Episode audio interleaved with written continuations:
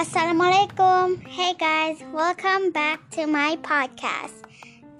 This time I will have an interview session with my father and I will ask him five questions about his hobby. Let's do it. Assalamualaikum, Pa. Waalaikumsalam. Okay, for the first question, what is your hobby? Uh, my hobby is anything related with computer Why do you like that hobby? because I learn and use computer since I was three years old.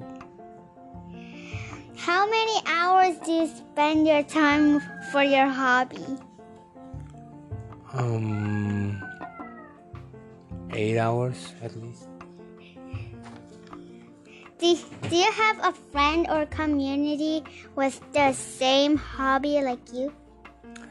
Yes. Who inspired you to start that hobby? One of my mother's friend, Jan Adi Sucipto. Okay, Pa. Thank you for your time and thank you guys for listening my podcast. Have a nice day. Assalamualaikum.